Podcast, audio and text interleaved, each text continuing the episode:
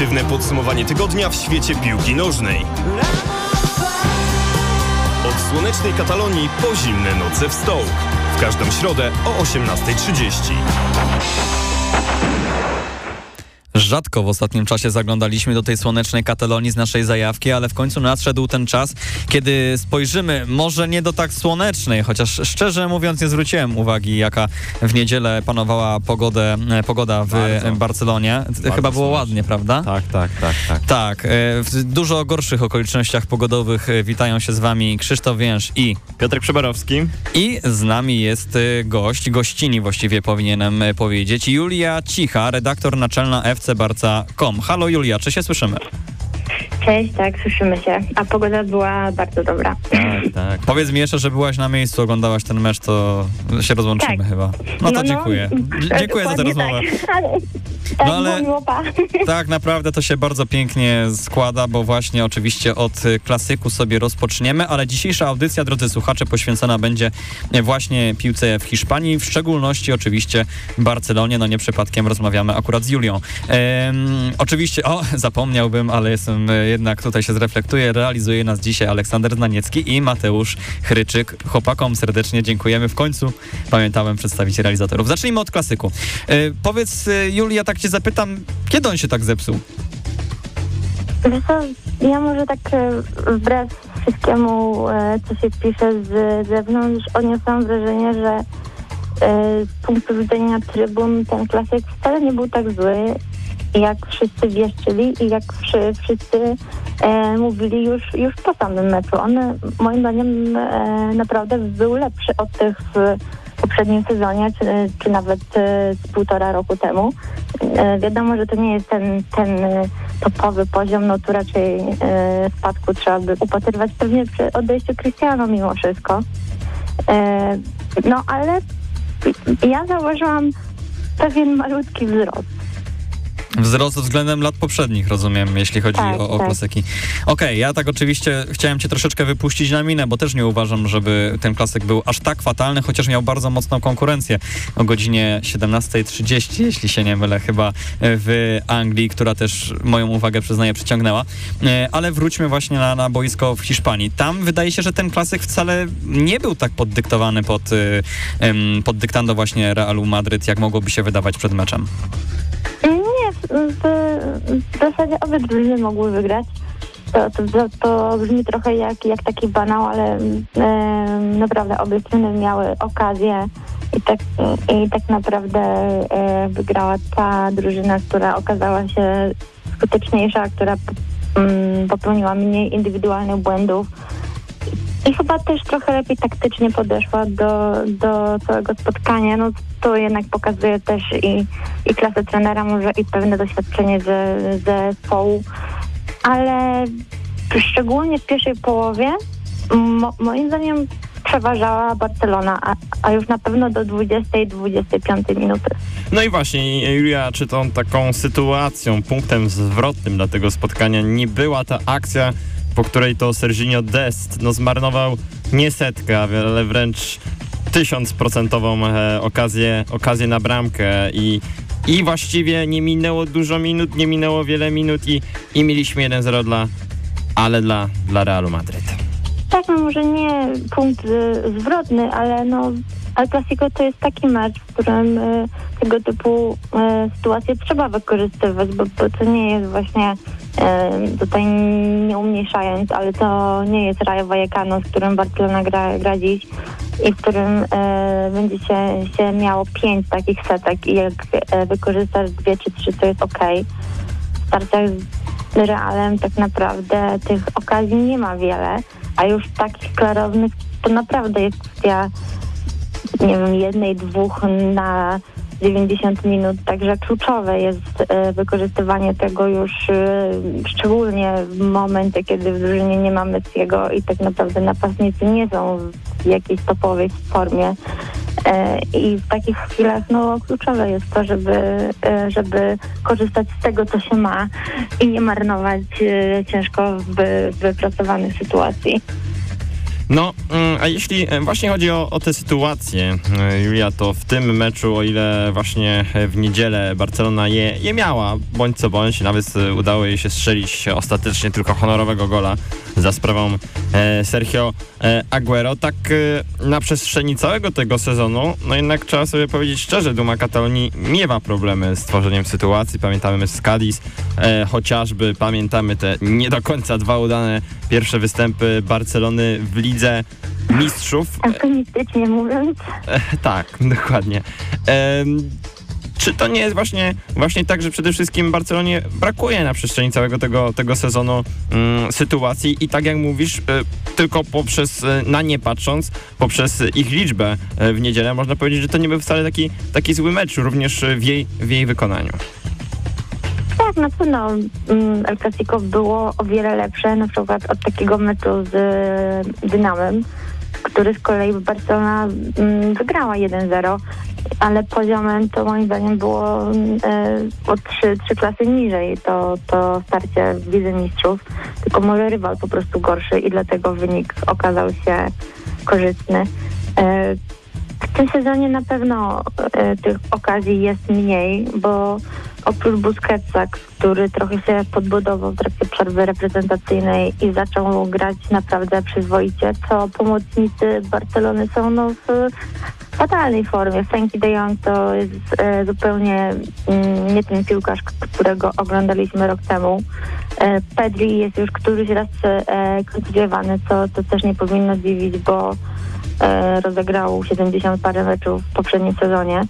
Tak, gratulujemy trenerowi. E, I do tego dochodzi młodziutki Gavi, który oczywiście ma talent i, i umiejętności, ale brakuje mu tego doświadczenia, czy nawet e, pewnych automatyzmów i umiejętności radzenia e, sobie z okolicznościami. No chłopak ma 17 lat i w takich okolicznościach kto ma kreować te sytuacje e, bramkowe. Czasami e, nawet Memphis Depay stara się cofać e, trochę bardziej, żeby mm, później móc zagrać, tylko że no, kiedy on zagrywa, to z kolei kto ma przyjmować? No, przecież tutaj nie, ukrywajmy, że, że Luke de Jong no to no, stoi sobie w polu karnym. Teraz e, może w, e, wrócił Kun, to, to pod tym względem e, będzie trochę lepiej. Mamy też Ansu, ale on właśnie też raczej stawia n- na indywidualne akcje własne e, niż na kreowanie okazji kolegom. Więc e, e, siłą rzeczy tych, tych szans bramkowych jest mniej, a, a jeśli dochodzi do, do tego nie najlepsza skuteczność, no później e, mam, mamy takie wyniki, że, że, że Barcelona potrafi w trzech meczach nie strzelić gola na przykład, to, to było kiedyś nie do pomyślenia. Ansu Fati, z tego co czytam na pewnym portalu zajmującym się Barceloną, możesz kojarzysz w fcbarca.com, e, problemy, problemy z kolanem po tym spotkaniu e, w El Clasico właśnie, więc tak, dodatkowy, dodatkowy problem. kolanem. E, To uspokoję od uf. razu. To nie jest to kolano, przez, przez które on wypadł na, na prawie rok. Okej, okej, to faktycznie może uspokoić troszeczkę kibiców Barcelony, no ale mimo wszystko ta plaga kontuzji e, trwa. Wspomniałeś m.in. o Pedrim. E, to powoli, z tego co również e, czytam na waszej stronie, doprowadza do, do napięć między, no w ogóle w obozie Barcelony, które, umówmy się, gromadzą się już od e, dłuższego czasu. I jak wygląda atmosfera w klubie? Oczywiście zdaję sobie sprawę, że tam może nie rozmawiałaś z panem Kumanem, ale, ale na pewno obserwując klub e, widzisz, jak, jak się rozwija sytuacja, która no, wydaje się, że e, nie ma się ku lepszemu. No teraz właśnie e, to napięcie trochę e, opadło wbrew pozorom, nawet mimo porażki w El Clasico, bo już zostało jasno powiedziane, że Kuman nie zostanie zwolniony na razie. Nie wiadomo, czy mm, dociągnie do ale otrzymał jakiś tam kredyt zaufania, powiedzmy, czy po prostu obecnie brakuje innych innych opcji dla, dla Barcelony, więc już zniknęły te plotki po każdym kolejnym złym wyniku, że Kuman wylatuje, przychodzi Xavi, przychodzi Robert Martinez, czy, czy e, przychodzi ktoś jeszcze inny. Więc jest trochę spokojniej pod tym względem. Myślę, że, że też unormowało się finansowo, bo e, rzeczywiście były spore, spore cięcia, tam kapitanowie zgodzili się na ob, obniżki, też teraz przy, przedłużono umowy, o ładnych parę lat z Pedrin i, i z Ansu Fatim, co no wiadomo kibiców y, y, może nie, nie tyle uspokoiło, co na, na chwilę odwróciło ich uwagę od, od innych spraw. Także jest wbrew pozorom pod tym względem trochę lepiej, nawet mimo e, właśnie porażki z Realem. No ale dzisiaj jakieś dymy z atakiem na... Czy to dzisiaj było? Z atakiem kibiców na samochód Kumana, czy to było wczoraj, To było, to było po El Clasico, jak A, okej. e, wyjeżdżał ze em, stadionu. Tak, ale no takich ludzi nie można nazwać kibicami i później się, się okazało, że, że to nie, nie, nie tylko na Kumana, tylko też na jakichś tam innych piłkarzy, na Carlesa Pujola, który był tam Bogu ducha winny, no bo już od, od paru lat nie gra w ogóle w piłkę, tak? Więc to byli po, po prostu lu- mm, ludzie, którzy chcieli się wyżyć i którzy e, jak się, się później okazało, nawet nie, nie byli na samym stadionie, tylko po prostu byli pod nim, e, żeby zrobić jakąś tam burdę, także no No a właśnie, jest- właśnie wspomniałaś o stadionie. Przecież w ogóle przeszliśmy y, zupełnie obok tego, że ty byłaś na meczu, chłonęłaś to spotkanie y, z trybun. Jak ty odbierałaś właśnie atmosferę na, na stadionie? Jak, jak odbierałaś to El Clasico? Masz w ogóle porównanie z innymi, czy, czy, czy nie jeździsz na tyle często na El Clasico, żeby porównać te mecze? to było moje trzecie El Clasico Mhm. i moim zdaniem e, at- atmosfera była podobna, to znaczy było trochę mniej ludzi na trybunach, było chyba 86 tysięcy, może wejść mm, w sumie 99 i kiedyś był komplet, jak, jak byłam, ale już e, tak naprawdę te trzy- 13 tysięcy nie sprawia, że są e, jakieś widoczne prześwity mm, na, na trybunach i stadion tak wizualnie wydawał się, się pełny. E, I doping też był naprawdę głośny, był, był taki e, bardziej skoordynowany, no wiadomo, e, to jednak wyjątkowy mecz. Także pod tym względem było na, naprawdę fajnie, szczególnie, że to tak naprawdę pierwszy raz po, po pandemii, kiedy ja byłam na meczu i też pierwsze El Clasico z kibicami po, no może nie po pandemii, bo ona trwa, ale powiedzmy po tym takim powrocie do piłkarskiej normalności, bo już w Katalonii może wchodzić 100% kibiców na trybuny. E, Także pod tym względem było na, naprawdę fajnie. Też nie, nie pojawiło się jakoś dużo gwizdów. Momentami e, troszkę wygwizdano Luka de Jonga, e, kiedy wchodził na boisko.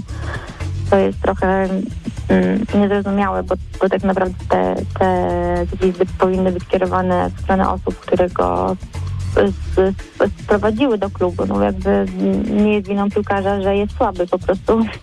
No, gra tak jak potrafi, a to, że potrafi niewiele, no to cóż. Julia, powiem ci, wyprowadzasz cios za ciosem dzisiaj tutaj. I czy to stronę trenera, czy to stronę niektórych piłkarzy, ale no, chyba trudno się nie zgodzić z tą opinią. Tak, tak i myślę, że do tej holenderskiej szajki rządzącej teraz e, powoli Barceloną jeszcze zdążymy sobie tutaj e, wrócić, e, a teraz chyba zaprosimy na krótką, ale dosłownie króciutką przerwę muzyczną. Julia Cicha z FC Barsakom jest waszym i naszym gościem, to gramy do afer na aferę i my jesteśmy z wami do godziny 19. Radio Afera, rokowo i alternatywnie. No, można by pomyśleć, że będą, będzie drugi utwór i że mamy jakieś tutaj Ja, ja zwątpiłem bardzo mocno. coś nie styka, jednak, a jednak nie. No właśnie, jak, jak mogą być złudne tego typu, tego typu sytuacje, albo e, jak mogą być e, złudne nasze, nasze zmysły. No patrzymy, widzimy. E, dzisiaj e, mecz z Rayo Vallecano i e, wychodzi trio Coutinho, Depay, Aguero. No na papierze wygląda to naprawdę świetnie, Julia. E, tymczasem... w ogóle 5 lat temu, gdyby im po 5 lat odjąć, to No troszkę tak, troszkę tak. Ale... Ale Barcelona to jest taki, wiesz, klub spokojnej starości podobno ostatnio, więc tam Słyszałem, że... ostatnio trochę bardziej niespokojnej starości. w sumie ale to tak. prawda. Słyszałem, że Dani Alves ostatnio też bywa sobie w Barcelonie, pije kawkę, e, spotyka się z różnymi, z różnymi ludźmi i zdaniem też niektórych chętnie mógłby też wskoczyć. No przecież on sam tak powiedział z tego, co Tak, pamiętam, no. że mógłby wskoczyć. Tak, powiedział, że gdyby zadzwonili, to jak najbardziej. Pytanie chyba raczej mm, za ile? A myślisz, że to byłby dobry ruch y, w, dla, dla klubu, żeby właśnie Dani Alves tak skoczył poratować sytuację na chwilę? No, ja może nie ocenię obecnie gry naszych prawych obrońców, e, bo znowu powiecie, że kolejne pociski. Ale znaczy, nikt się nie broni, Julia. Dawaj. Nie, mm, ujmijmy to dyplomatycznie. E, 38-letni Dani Alves byłby obecnie najlepszym prawym obrońcą w Barcelonie. No, wiek nie gra roli, prawda, tutaj e, po prostu. Tak, e, tak to wygląda, że, e, że piłkarze grają, grają dłużej, co chyba najlepiej świadczy, jeszcze wracając na moment o El Clasico, o kolejnej młodości Karima, Karima Benzemy, bo przecież on tak naprawdę po odejściu Cristiano Ronaldo stał się takim liderem e, królewskich, a chyba troszkę e, tych liderów brakuje w Barcelonie po, odejście, po odejściu e, Leo Messiego. Mm, nie wiem, czy też tak Julia uważasz, że, że jeśli liderem i często takim strzelającym ważne goli liderem ma być teraz Gerard Piqué, no to jednak e, coś tu chyba nie działa, jeśli chodzi o, o ten przód Barcelony. tak, to raczej takim liderem pozaboiskowym powiedziałabym, chociaż już e, były e, przymiarki do ustawienia go na środku ataku, e, nawet pod koniec Clasico, w także którymś, tak, to pokazuje pewien poziom desperacji, ale e, zasadniczo no, na, na początku sezonu e, mówiło się być może właśnie, że Memphis Depay e, będzie takim nowym liderem, bo strzelił tam dwa, trzy, trzy gole, em, zanotował jakąś asystę, ale później to wszy- wszystko jakby przegasło i ten jego charakter e, mm, powiedzmy pozaboiskowy nie za bardzo przekładał się już e, na jego poczynania w trakcie meczu, więc e, póki co brakuje takiej osoby, która rzeczywiście pociągnęłaby by, mm, za sobą całą drużynę. No właśnie, czyli e, troszkę brakuje e, człowieka z tym mitycznym DNA Barcelony, takim człowiekiem. O, nie lubię tego określenia. No właśnie, też, my my też go też. nie znosimy, dlatego go użyliśmy, bo chcieliśmy cię zapytać, czy w ogóle nie uważasz, że mm, problemy Barcelony, wiem, że to jest pytanie bardzo y, szeroko, szeroko możemy do niego podejść, ale czy nie uważasz, że takie problemy Barcelony mogą się, mieć swoją genezę w tym, że właśnie obsadzając poszczególne stanowiska w klubie, obsadza się tymi zawodnikami, czy tam osobami, które kiedyś były zawodnikami Barcelony, bo mają to mityczne DNA Barcelony, zamiast kierować się realnymi kompe- kompetencjami niektórych osób po prostu. No tak, na pewno trochę tak, bo są osoby, które mm, niezależnie od tego, że, że były świe- świe- świetnymi piłkarzami Barcelony, teraz e, sobie radzą na innym polu. No i tu choćby właśnie Xavi, ale z drugiej strony e, pojawiają się e, takie osoby jak na przykład, nie Wiktor Valdez, tak, który z całym szacunkiem dla tego, jakim był bramkarzem i, i, i jaką był osobowością, no jako e, trener e, Juvenil zupełnie sobie nie poradził. E, no i, I tutaj przy, przykłady mogą się, się mnożyć. Tak jak, jak choćby odrzucanie konkretnych trenerów tylko dlatego, że nigdy nie byli piłkarzami w Barcelonie. No ten argument poniekąd ma sens, biorąc pod uwagę, że to jest bardzo sp- specyficzny klub w którym e, wymaga się wielu rzeczy, których w innych miejscach nie ma. W, w innych miejscach nie ma. Są, są kluby, nie wiem, choćby w Anglii, w których wygrywanie wystarcza. A już to, jak wygrywasz, ma drugorzędne znaczenie. W Barcelonie nawet ważniejsze jest to, jak grasz, niż to, co, co tego ugrasz. No i e, jeśli chodzi właśnie o to, co może Barcelona ugrać w obecnym sezonie, bo oczywiście możemy sobie powiedzieć, że to jest sezon przejściowy, oczywiście możemy powiedzieć, że e, holenderski sab- sabotażysta na ławce rezerwowych i holenderski sabotażysta e, w środku ataku e, i nie mam tu na myśli oczywiście Memphisa e, nie pomagają w tym, żeby, żeby coś, e, coś ugrać. E, no nie chcę tutaj też e, sugerować, że, że celem Barcelony może być na przykład taka Liga Europy, ale no wyjście z grupy Ligi Mistrzów też nie jest pewne. No tak naprawdę wszystko składa się ku tym rozgrywkom, które Barcelona od pewnego czasu, e, które w ostatnich latach e, lubiła e, poniekąd, czyli, czyli Puchar Króla, tak? Czy, czy jest szansa na coś więcej niż tylko ewentualnie walka, walka w tymże pucharze? Puchar Króla to chyba tylko dlatego, że jeszcze się nie rozpoczął i nie zdążyli tam, tam przegrać żadnego meczu. A teraz przypominamy już od kilku lat bez rewanżów e, mecze w Pucharze Tak. Króla, więc e, no nie żebym się spodziewał kiedyś jakiejś Ibizy w którejś rundzie, ale, ale no, może być ryzykownie. W sumie głównym argumentem przemawiającym za tym, że Barcelona może zdobyć jakiś tytuł i to na pewno nie Ligę Mistrzów, ale powiedzmy jakiś, e, jakiś inny, jest e, słabość jej, jej potencjalnych rywali, bo jednak poziom w lidze hi, hi, hiszpańskiej mocno się, się wyrównał. Real mimo wszystko nie błyszczy. Atletico gubi punkty. Gdzieś tam się, się kręci Sevilla czy Real, czy Real Sociedad. I w tym właśnie można upatrywać szans na potencjalny e, tytuł. To znaczy, że obecnie każdy e, może urwać punkty każdemu lub prawie każdemu. E, I paradoksalnie to może działać na korzyść Barcelony, ale też na jej niekorzyść, no bo równie dobrze e, może skończyć e, sezon na piątym czy na szóstym miejscu. No raczej niżej bym tutaj nie prorokowała, bo e, myślę, że taka Liga Europy To jest absolutne minimum Barcelony, nawet w bardzo dużym kryzysie. No ten najbliższy terminarz Barcelony też prezentuje się całkiem obiecująco, jeśli chodzi o tych rywali, bo e, po Rajo będzie Deportivo Alaves, no a później ten mecz za przysłowiowe 6 punktów e, w Kijowie e, z Dynamem o e, być albo nie być e, w lidze, w lidze mistrzów, chociaż z drugiej strony To ostatnio... Lidze Europy. E, tak, dokładnie. No, wierzysz w to wyjście z grupy Ligi Mistrzów mimo wszystko? Myślę, że tak, że to jest realne, ale nie chcę e, tutaj prorokować w żadną stronę, bo e, Barcelona już umiała w tym sezonie e, i wygrywać mecze, po których nie, nie spodziewałam się, że je wygra i przegrywać mecze, w których myślałam, że mimo wszystko da sobie radę, także to jest sporo zależy od tego, co, co wymyśli właśnie holenderski e, sabotażysta i jak umiejętnie będzie reagował na wydarzenia boiskowe, e, na na przykład wp- wprowadzając Lengleta w 88 tak na bronienie remisu czy, czy coś Czy jak już e, jesteśmy przy... Tak. Jak już jesteśmy przy sabotażyście, to muszę cię zapytać, czy masz jakieś swoje opcje ewentualne na kolejnego trenera Barcelony właśnie w w jego zastępstwo?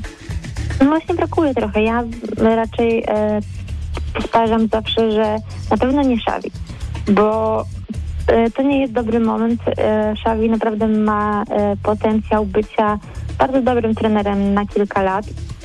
I w obecnej sytuacji Barcelony e, mam wrażenie, że Szkoda byłoby właśnie- go spalić, prawda? tak, tak, dokładnie, to byłaby stracona szansa, bo przy, przyszedłby no i no, nie, nie ulepiłby z tego w sumie nic specjalnego, no bo to jest prawie, że nie, niewykonalne. Szybko by wyleciał, a później już powrót do klubu byłby bardzo trudny, y, jeśli nie niemożliwy, więc ja bym tym na pewno poczekała. No mówi się właśnie o mm, Robercie Martinezie, no ale w sumie czemu miałby chcieć e, opuścić reprezentację Belgii, żeby przejść do Barcelony? Może tylko dlatego, że jest katalończykiem i jakby z takiego mm, lokalnego patriotyzmu może. Dziś w ogóle mija rok od e, dymisji Josepa Marii Bartomeu. Rocznica, która... E, no, no właśnie, no właśnie. E, chyba radosna. Jak patrzysz na ten e, miniony ostatni rok? Bardzo burzliwy. Już się wydarzyło tyle rzeczy, których sobie nie wyobrażałam e, nigdy na e, czele oczywiście z odejściem Messiego. E, no, myślę, że mimo wszystko patrząc na te wszystkie skandale, e, na wyniki finansowe, na e, sytuację instytucjonalną, polityczną, e, na ruchy kadrowe, to Barcelona naprawdę ma się nieźle i, i ma, ma szczęście, że, że wciąż stoi w miarę, w miarę twardo na ziemi. No to nie jest taki kryzys, e, jaki swego czasu chyba dopadł Manchester United po tej paście sukcesów i po odejściu Sir Alexa Fergusona. I... Paście sukcesu? Co to jest pasta sukcesu? Oj, Piotruś, Piotruś, Oj, godzina, 18. godzina robi swoje. Tak, to prawda. Nie, ale faktycznie wydaje się, że to nie jest tak głęboki kryzys i tak jak mówisz, mimo tej retoryki wokół klubu, która panuje dość chyba cały czas pesymistyczna, można szukać jakichś e, pozytywów e, w Barcelonie w najbliższym czasie, no bo jednak e, tak kończąc powoli naszą rozmowę, chcielibyśmy zostawić kibiców Barcelony z takim przesłaniem, że jeszcze nie wszystko stracone chyba. No nie, myślę, że spokojnie, tylko trze- trzeba być e, cierpliwym i na, na pewno trzeba zapomnieć o tym, co, co było, bo teraz jest bardzo wielu takich e, kibiców, tym ja sama, tak, ja jestem tam rocznik 95, który, który no, e, wychował się idealnie od czasów Ronaldinho przez wszystkie sukcesy Messiego, wszystkie Ligi Mistrzów, Złote Piłki tekstety, tryplety. No i trzeba umieć się od tego trochę odłączyć i, i zdać sobie sprawę, że to była sytuacja wyjątkowa, która się już e, pewnie nie powtórzy za naszego życia i że, i że teraz mistrzostwo e, e, Hiszpanii zdobyte raz na, nie wiem, dwa lata, raz na trzy lata, to jest no całkiem niezły wynik, a nie sześć mistrzostw z rzędu, e, tak jak to mogło być kiedyś w przeszłości. Ale e, na pewno szkółka dalej działa, młodzi piłkarze konieczności, ale wchodzą do pierwszego zespołu i radzą sobie bardzo przyzwoicie. Także jeśli tylko u- uporządkuje się, się w miarę to zarządzanie i finanse, to naprawdę może być jeszcze nieźle. No, krótko mówiąc, teraz dopiero dowiemy się, kto jest naprawdę prawdziwym takim e, z krwi i kości kibicem Barcelony, takim Tak, z DNA Barcelony. się, Nie, się dowie po liczbie wyświetleń, która spada. no to akurat, mm, to akurat e, ta U gorsza nas część stabilnie, tego. u nas stabilnie, zawsze, dokładnie. zawsze trzy y, albo cztery ewentualnie, mama, tata, mój i Piotrka, więc, więc u nas tego akurat nie sprawdzimy, ale, ale mam nadzieję, że u was lepiej. Odsyłamy na serwis fcbarca.com. I dzięki wielkie też e, Julia e, za to, że byłaś dzisiaj e, gościem. Gramy na aferę. Julia Cicha, redaktor naczelna FC Dzięki, była. dzięki za zaproszenie. Dzięki wielkie. My z kolei słyszymy się oczywiście już za tydzień. Dzisiaj w Gramy na aferę byli z wami Krzysztof Więż, Piotrek Przyborowski. Us- realizowali nas Aleksander Znaniecki i Mateusz Chryczyk, którym bardzo dziękujemy i do usłyszenia. Cześć.